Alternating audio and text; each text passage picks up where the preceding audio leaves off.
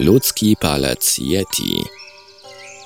Pochodzące z klasztoru Pangboche znalezisko zwane palcem Yeti przeleżało dziesiątki lat w londyńskim muzeum, gdzie trafiło z rąk uczestników ekspedycji w poszukiwaniu człowieka śniegu.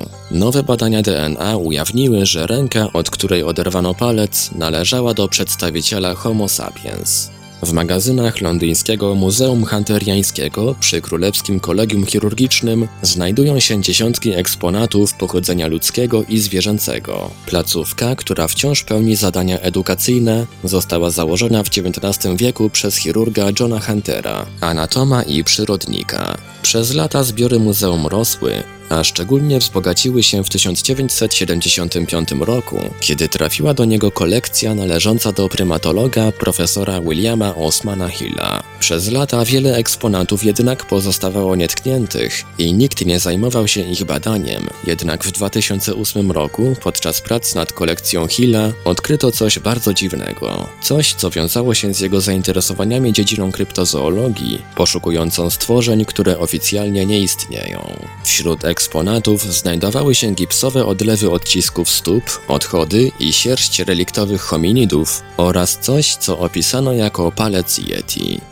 Mierzył on 9 cm długości i 2 cm w najszerszej części. Był czarny i zakończony dużym pazurem. Zgodnie z notatką znalezioną w pudełku, został on odcięty z ręki istoty znanej jako człowiek śniegu. Jako miejsce jego pochodzenia wskazywano świątynię Pangboche w Nepalu. Według notatek profesora Hilla, palec przekazał mu himalaista i podróżnik Peter Byrne, dziś 88-latek mieszkający w USA. Historia zaczęła się w 1958 roku, kiedy brał on udział w ekspedycji mającej za zadanie znaleźć dowody na istnienie legendarnego człowieka śniegu.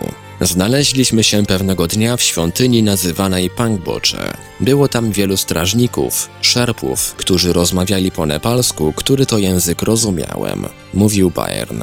Powiedzieli mi, że mają w świątyni rękę Yeti, która jest tam już od wielu lat. Wygląda jak ludzka ręka, ale jest pokryta szorstką czarną i spękaną skórą. Była pokryta tłustym osadem wskutek nieustannie płonących w świątyni świec i lampek oliwnych. Jej palce były zakrzywione. Po powrocie do Londynu Bayern opowiedział o znalezisku profesorowi Hillowi w czasie obiadu zorganizowanego przez amerykańskiego sponsora ekspedycji Thomas Leaka. Hill powiedział, że musimy dotrzeć do tej ręki, wspomina Bayern.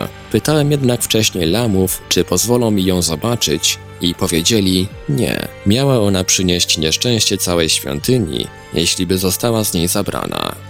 Hill i Slick przekonali jednak Bayerna do powrotu do Pangboche i kolejnej próby uzyskania choćby części znaleziska.